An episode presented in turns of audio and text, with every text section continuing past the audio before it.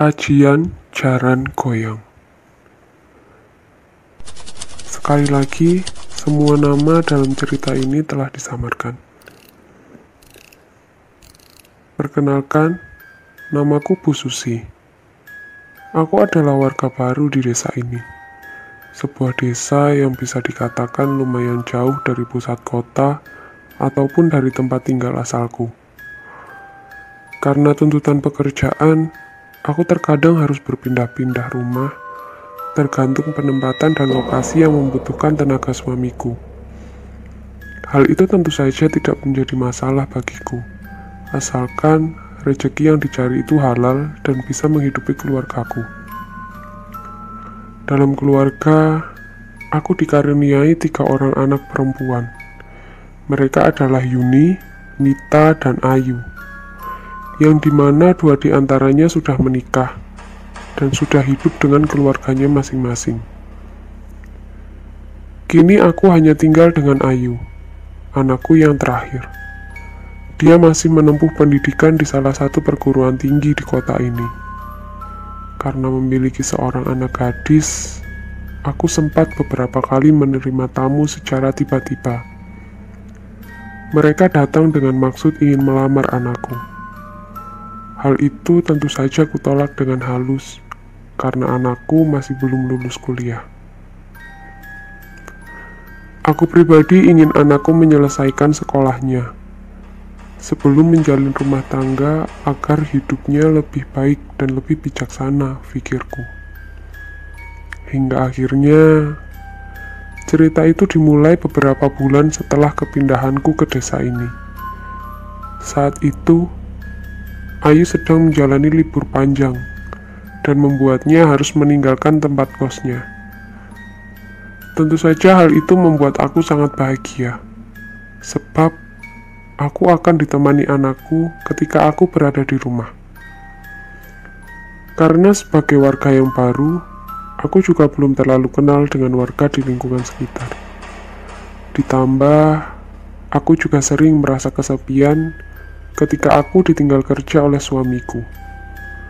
Oleh karena itu, setiap kepulangan Ayu selalu menjadi kebahagiaan tersendiri bagiku. Pagi itu, sesaat setelah ayah Ayu berangkat bekerja, tiba-tiba aku dihampiri oleh warga sekitar yang ku ketahui dia adalah ketua RT di lingkungan sini. Bu Susi, ini ada undangan buat anak ibu ucap Pak RT. Undangan apa ya Pak? Jawabku heran. Undangan dari Karang Taruna Desa, Bu. Kami di desa ini kekurangan anak muda yang berpendidikan. Setelah saya tahu anak ibu itu kuliah, jadi saya putuskan untuk mengundang dia. Siapa tahu anak ibu bisa memberi andil dalam desa ini, ucap Pak RT. Mendengar hal itu, Aku sebagai orang tua tentu saja bangga dan berharap dia bisa lebih bersosialisasi dengan warga di sini. Aku kan warga baru, jadi nggak enak kalau menolak. Semoga Ayu dapat teman dan bisa betah tinggal di sini, pikirku. Ayu pun saat itu menyanggupi dan bersedia menghadiri undangan tersebut. Setelah hari itu, Ayu sering sekali keluar rumah untuk melakukan kegiatan sosial. Dia mulai dikenal warga sekitar dan juga memiliki beberapa teman. Bahkan setelah itu, rumahku jadi sering dilewati anak-anak muda yang ingin sekedar melihat Ayu, bahkan tak segan menggodanya ketika Ayu berada di depan rumah. Karena menurutku, Ayu ini bisa dikatakan wanita paling cantik di desa ini itu terlihat dari setiap ada kegiatan desa yang menggunakan poster sebagai ajang promosi kegiatan, Ayu selalu dijadikan sebagai modelnya. Jadi, tidak jarang juga aku kerap melihat poster Ayu di pinggir-pinggir jalan di desa ini. Wah, sekarang jadi terkenal ya. Seperti calon DPR saja, banyak posternya. Godaku. Iya tuh mah, setiap ada kegiatan Karang Taruna, posyandu hingga kebersihan lingkungan, selalu dibikinkan poster agar warga mengetahui jadwal dan tempatnya. Eh, fotoku yang dipasang, ucap Ayu. Aku pun bahagia, karena Ayu sudah mulai betah tinggal di sini. Bahkan, dia berencana tidak akan memperpanjang kosnya agar bisa bolak-balik ke desa ini. Hingga akhirnya, beberapa minggu setelah hari itu, semuanya berubah drastis ketika tiba-tiba Ayu mendadak sakit parah yang menurut warga sekitar, Ayu terkena guna-guna dari laki-laki yang menyukai Ayu. Pagi itu seperti biasanya. Setelah ayah Ayu berangkat kerja, aku memulai aktivitas dengan membersihkan sekitar rumahku dengan menggunakan sapu lidi. Tiba-tiba, secara tidak sengaja, aku menemukan sebuah bungkusan kecil dibalut kain putih.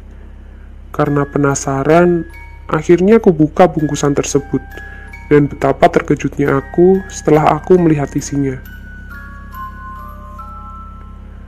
Kain tersebut berisi foto Ayu yang dilipat kecil, disertai sepotong bunga melati dan beberapa jarum dan benang, serta ditambah beberapa potongan kertas dengan gambar aneh. Semua dibungkus rapih dengan kertas putih, ditambah bau minyak wangi yang sangat menyengat. Tentu saja, benda tersebut langsung kubuang seketika. Dan aku langsung masuk ke dalam rumah dan hendak memberitahu Ayu tentang apa yang kutemukan.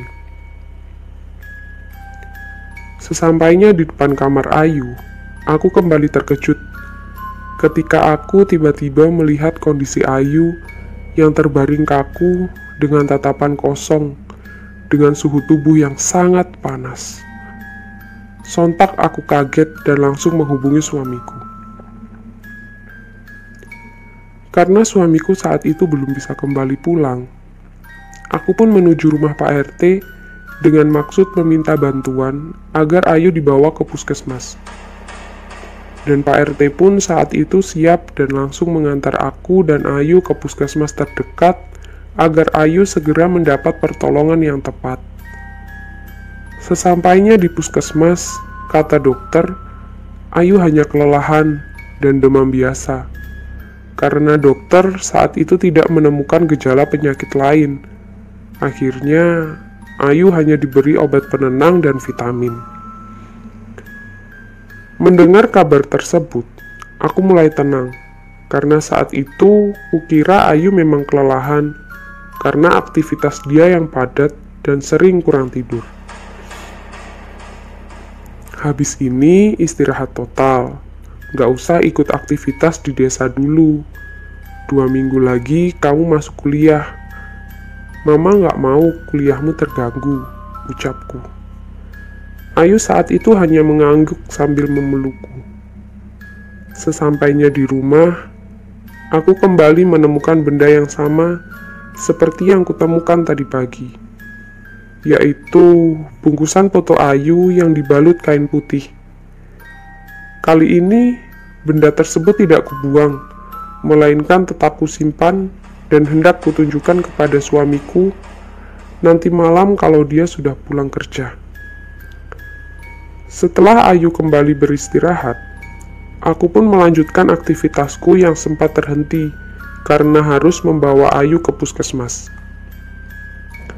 Saat itu, meskipun aku sedang di luar rumah, aku bisa tetap melihat posisi Ayu yang sedang berbaring di kamarnya. Karena kamar Ayu ini terletak di bagian depan ruangan rumah. Jadi, ketika korden dan jendelanya tidak tertutup, siapa pun yang melewati depan rumahku pasti bisa melihat ke arah dalam kamar Ayu. Ketika aku melanjutkan menyapu di depan rumah, aku sangat terkejut karena aku tiba-tiba melihat seperti ada wanita berbaju putih kusam sedang duduk di kamar Ayu. Sontak aku langsung lari ke dalam karena aku takut ada seseorang yang ingin mengganggu anakku. Dan betapa terkejutnya ketika aku sampai di kamar Ayu, aku tidak menjumpai siapa pun. Bahkan Aku sudah memastikan lagi dan menyisir dalam ruangan rumah. Tapi tetap saja aku tidak menjumpai orang lain selain Ayu. Hal itu pun terjadi berulang-ulang hingga empat kali, Puncaknya, ketika aku berada di luar rumah, aku kembali melihat sosok wanita tersebut. Kali ini, aku mencoba pelan-pelan menuju kamar Ayu dan ingin mengintipnya dari jendela sebelum masuk ke kamar Ayu. Dan ketika aku intip lebih dekat, aku sangat kaget, seakan tidak percaya dengan apa yang kulihat. Ternyata, aku melihat dua sosok perempuan berambut lurus, panjang, yang duduk di ranjang kamar Ayu. Mereka berdua memandangi Ayu yang sedang tertidur pulas. Aku pun saat itu langsung berteriak sekuat tenaga dan berlari masuk ke kamar Ayu. Dan sesampainya di kamar Ayu, sosok tersebut kembali menghilang. Saat itu, Ayu langsung kubangunkan dan kubawa pindah ke kamarku. Dengan tubuh yang masih gemetar, saat itu aku langsung menghubungi suamiku agar dia pulang lebih awal. Pa, pulang sekarang. Anakmu sakit. Aku takut. Aku habis lihat ada perempuan menakutkan di rumah, ucapku. Setelah beberapa saat, akhirnya suamiku pulang dan aku menceritakan semuanya hingga kutunjukkan barang yang kutemukan yang menurutku sangat mencurigakan. Saat itu suamiku menduga Ayu sudah diguna-guna oleh orang yang menyukai Ayu. Ini mungkin pelet mah. Yang mengirim ini pasti dia menyukai anak kita. Besok pulang kerja, biar aku ke rumah Abah untuk menanyakan tentang hal ini ya. Kamu di rumah aja jagain Ayu, ucap suamiku. Aku hanya mengangguk dan menangis karena aku takut terjadi apa-apa pada anakku. Malam pun tiba. Saat itu, karena aku tidur di kamarku dengan Ayu, akhirnya suamiku tidur di depan TV. Dan sekitar tengah malam, aku terbangun karena aku mendengar suara orang ngobrol dan mencuci piring dari arah dapur. Aku pun saat itu curiga karena tengah malam gini kok ada suara orang ngobrol. Masa sih ada tamu? Kok suamiku gak bangunin aku ya? Pikirku. Saat itu aku bangun dan coba memastikannya. Dan betapa terkejutnya setelah aku melihat ternyata suamiku sudah tertidur lelap. Aku pun dengan pelan-pelan meneruskan langkahku ke arah dapur. Sesampainya di dapur, aku tidak menemukan siapa pun. Hanya melihat bekas piring dan gelas yang masih basah seolah memang baru selesai dicuci. Dengan perasaan masih kebingungan, aku kembali ke kamarku dengan melihat sekitar ruangan rumah. Dan sesampainya di depan kamarku, aku lagi-lagi terkejut ketika aku kembali melihat ada sesosok perempuan yang memandangi anakku. Aku saat itu coba menahan diri agar tidak terkejut dan pelan-pelan mencoba mendekatinya untuk memastikan siapa sebenarnya wanita tersebut. Dan betapa terkejutnya aku ketika sosok tersebut tiba-tiba menoleh ke arahku. Sosok tersebut berwajah sangat busuk dengan mengeluarkan bau yang sangat tidak sedap. Aku pun saat itu langsung berteriak kencang hingga suamiku terbangun dari tidurnya. Ketika suamiku bangun, aku pun langsung menceritakan semuanya sambil mengeluarkan air mata. Suamiku langsung bergegas mencari sosok wanita tersebut hingga menggeledah seluruh isi rumah untuk memastikan bahwa tidak ada orang lain di rumah ini. Dan memang, setelah lama mencari pun, kami tidak menemukan siapa-siapa. Akhirnya, aku dan suamiku pun bersama-sama tidur di kamar untuk menjaga Ayu. Keesokan harinya, Ayu bangun dengan keadaan yang berbeda. Sekarang dia tidak mau makan, minum, apalagi mandi. Dia menjadi sangat aneh Sesekali kulihat dia berbicara sendiri hingga tertawa terbahak-bahak tanpa sebab. Ketika coba ku ajak ngobrol, omongannya pun ngelantur tidak jelas. Dengan sesekali menyebut beberapa nama laki-laki. Yang ketika ku tanya siapa dia, Ayu tidak bisa menjawab. Teguh itu siapa nak? Tanyaku. Kata siapa Teguh? Doni mah tapi sama Teguh Chandra ganteng banget mah Ayu nanti nikah sama Adit ya? Kata Ayu berulang-ulang sambil tertawa dan bertingkah sangat aneh. Saat itu, omongan Ayu semakin tidak jelas dan ngelantur. Akhirnya aku mencoba mengundang Pak RT untuk menanyakan barangkali ada yang kenal dengan nama-nama yang disebutkan oleh Ayu tadi. Siang itu, Pak RT pun datang dengan wajah yang gugup. Beliau mengaku melihat orang ramai sekali di dalam rumah ini. Dan ketika beliau masuk, ternyata sepi. Tidak ada siapa pun kecuali aku dan suamiku. Loh, kok sepi? Di sini apa memang gak ada orang lain selain Bapak dan Bu Susi? Soalnya dari luar tadi, saya lihat di sini banyak orang. Saya kira saudara bapak. Oh iya, tadi di depan rumah saya juga menemukan ini, Pak. Saya jadi khawatir dengan keadaan anak bapak, ucap Pak RT sambil mengeluarkan segenggam benda aneh. Benda tersebut seperti potongan tali pocong lengkap dengan secari kertas dan batu kerikil. Karena sangat terkejut, Suamiku langsung menuju rumah orang tuanya untuk menanyakan tentang apa yang sebenarnya terjadi kepada Ayu. Ma, aku mau ke rumah Abah. Mama nggak usah ikut ya, kan jauh. Ayu juga masih kayak gitu keadaannya. Mending Mama tunggu di rumah saja. Nanti kalau sudah selesai, aku langsung pulang, ucap suamiku. Aku pun menyetujuinya Hingga akhirnya aku ditinggal di rumah bersama Pak RT dan sejumlah warga lain yang datang menjenguk setelah mendengar kabar bahwa Ayu sedang sakit. Pak RT saat itu menyarankan untuk mengundang salah satu orang pintar yang ada di kampung ini. Dan tanpa pikir panjang, aku pun menyetujuinya. Akhirnya, setelah paranormal tersebut datang ke rumahku dan melihat kondisi Ayu, Aku diberi sepaket bunga tujuh rupa yang sudah diberi mantra untuk digunakan memandikan Ayu tepat jam 12 malam. Karena menurut paranormal tersebut, Ayu terkena guna-guna asmara, bahkan bukan hanya jalan goyang. Ayu ini diguna-guna beberapa anak yang menyukainya. Kalau tidak segera ditolong, dia bisa gila bu, ucap paranormal tersebut. Malam pun tiba. Sekitar pukul 8 malam, tamu yang menjenguk Ayu pun satu persatu sudah pulang. Memang seharian tadi banyak tamu yang keluar masuk ke rumahku. Mulai tetangga hingga perangkat desa. Semuanya bergantian berbondong-bondong ke rumahku untuk menjenguk Ayu. Aku pun mulai menutup pintu dan menunggu suamiku pulang sambil menunggu jam agar tepat jam 12 malam. Ketika aku menunggu suamiku, tiba-tiba HP-ku berbunyi.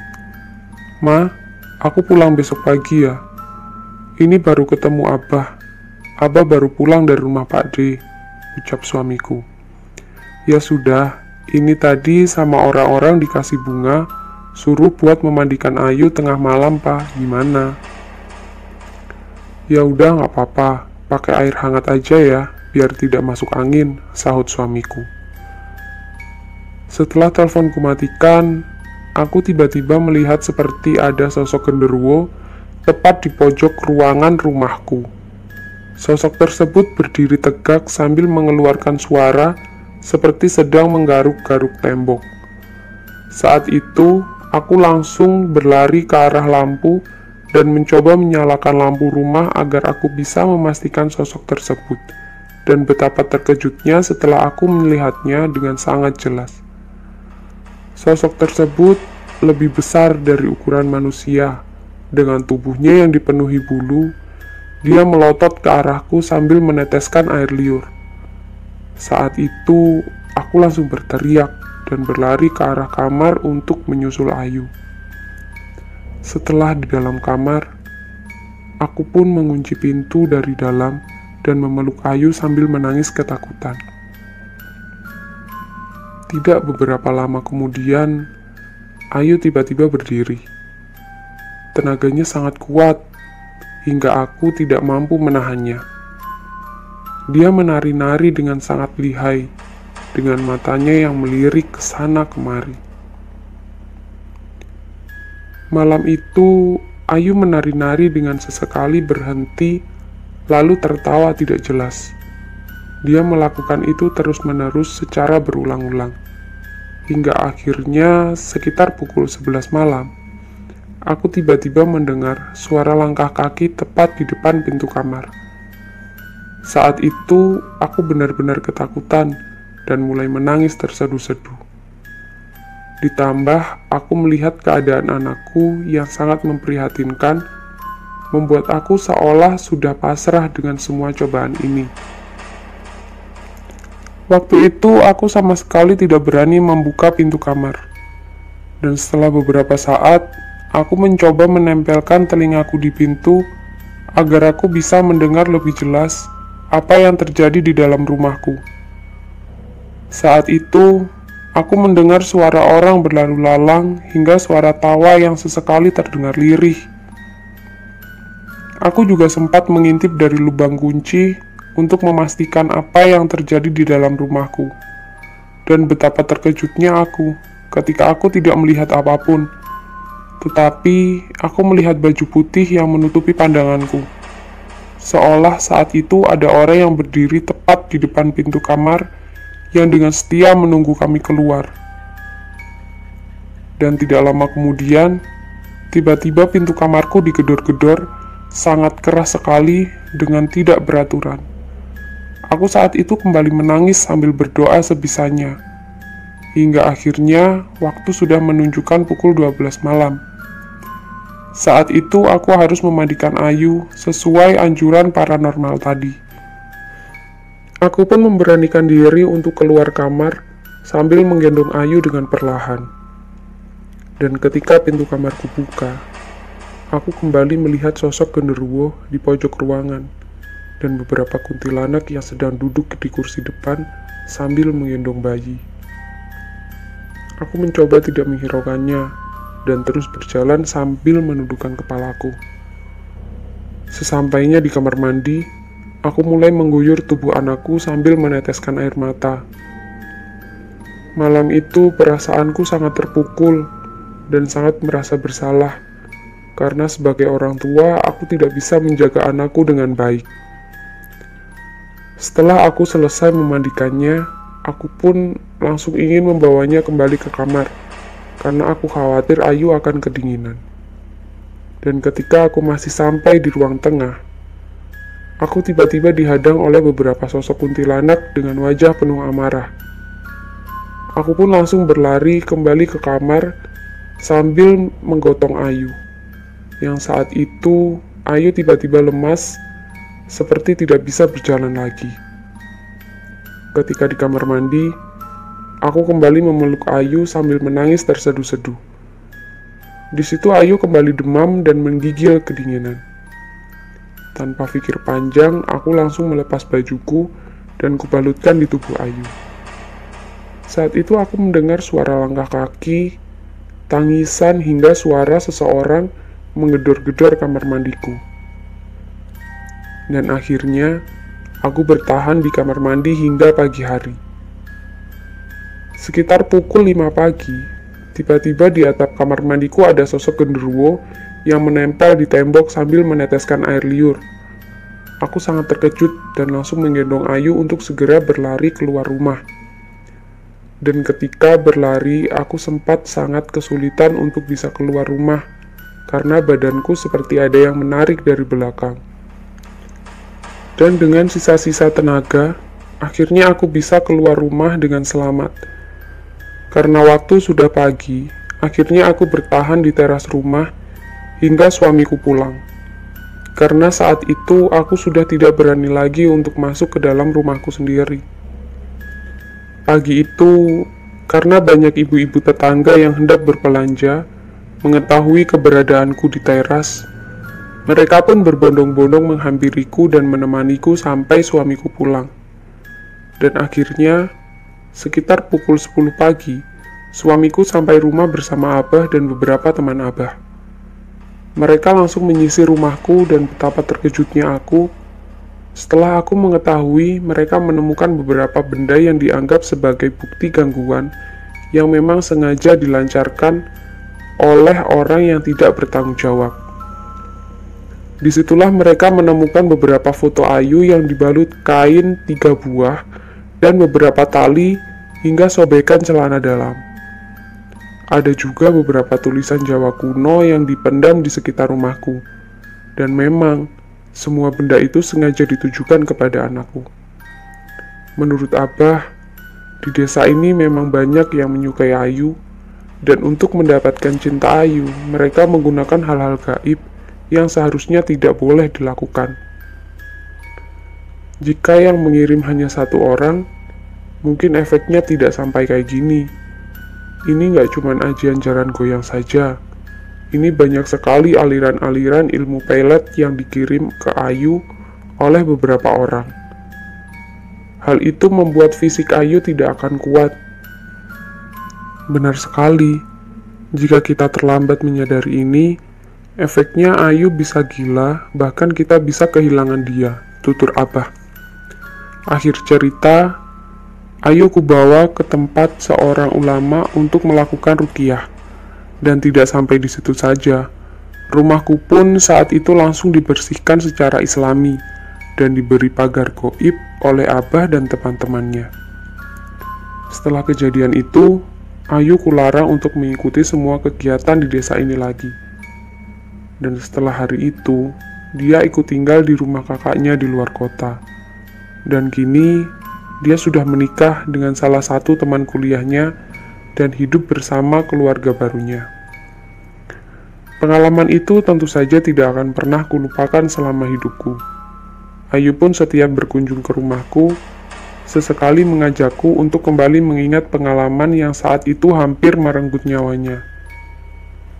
Dan semua itu sudah kujadikan pengalaman sekaligus pelajaran agar aku bisa lebih berhati-hati dalam menjaga keluargaku. Terima kasih teman-teman, semoga cerita ini menemani hari-hari kalian.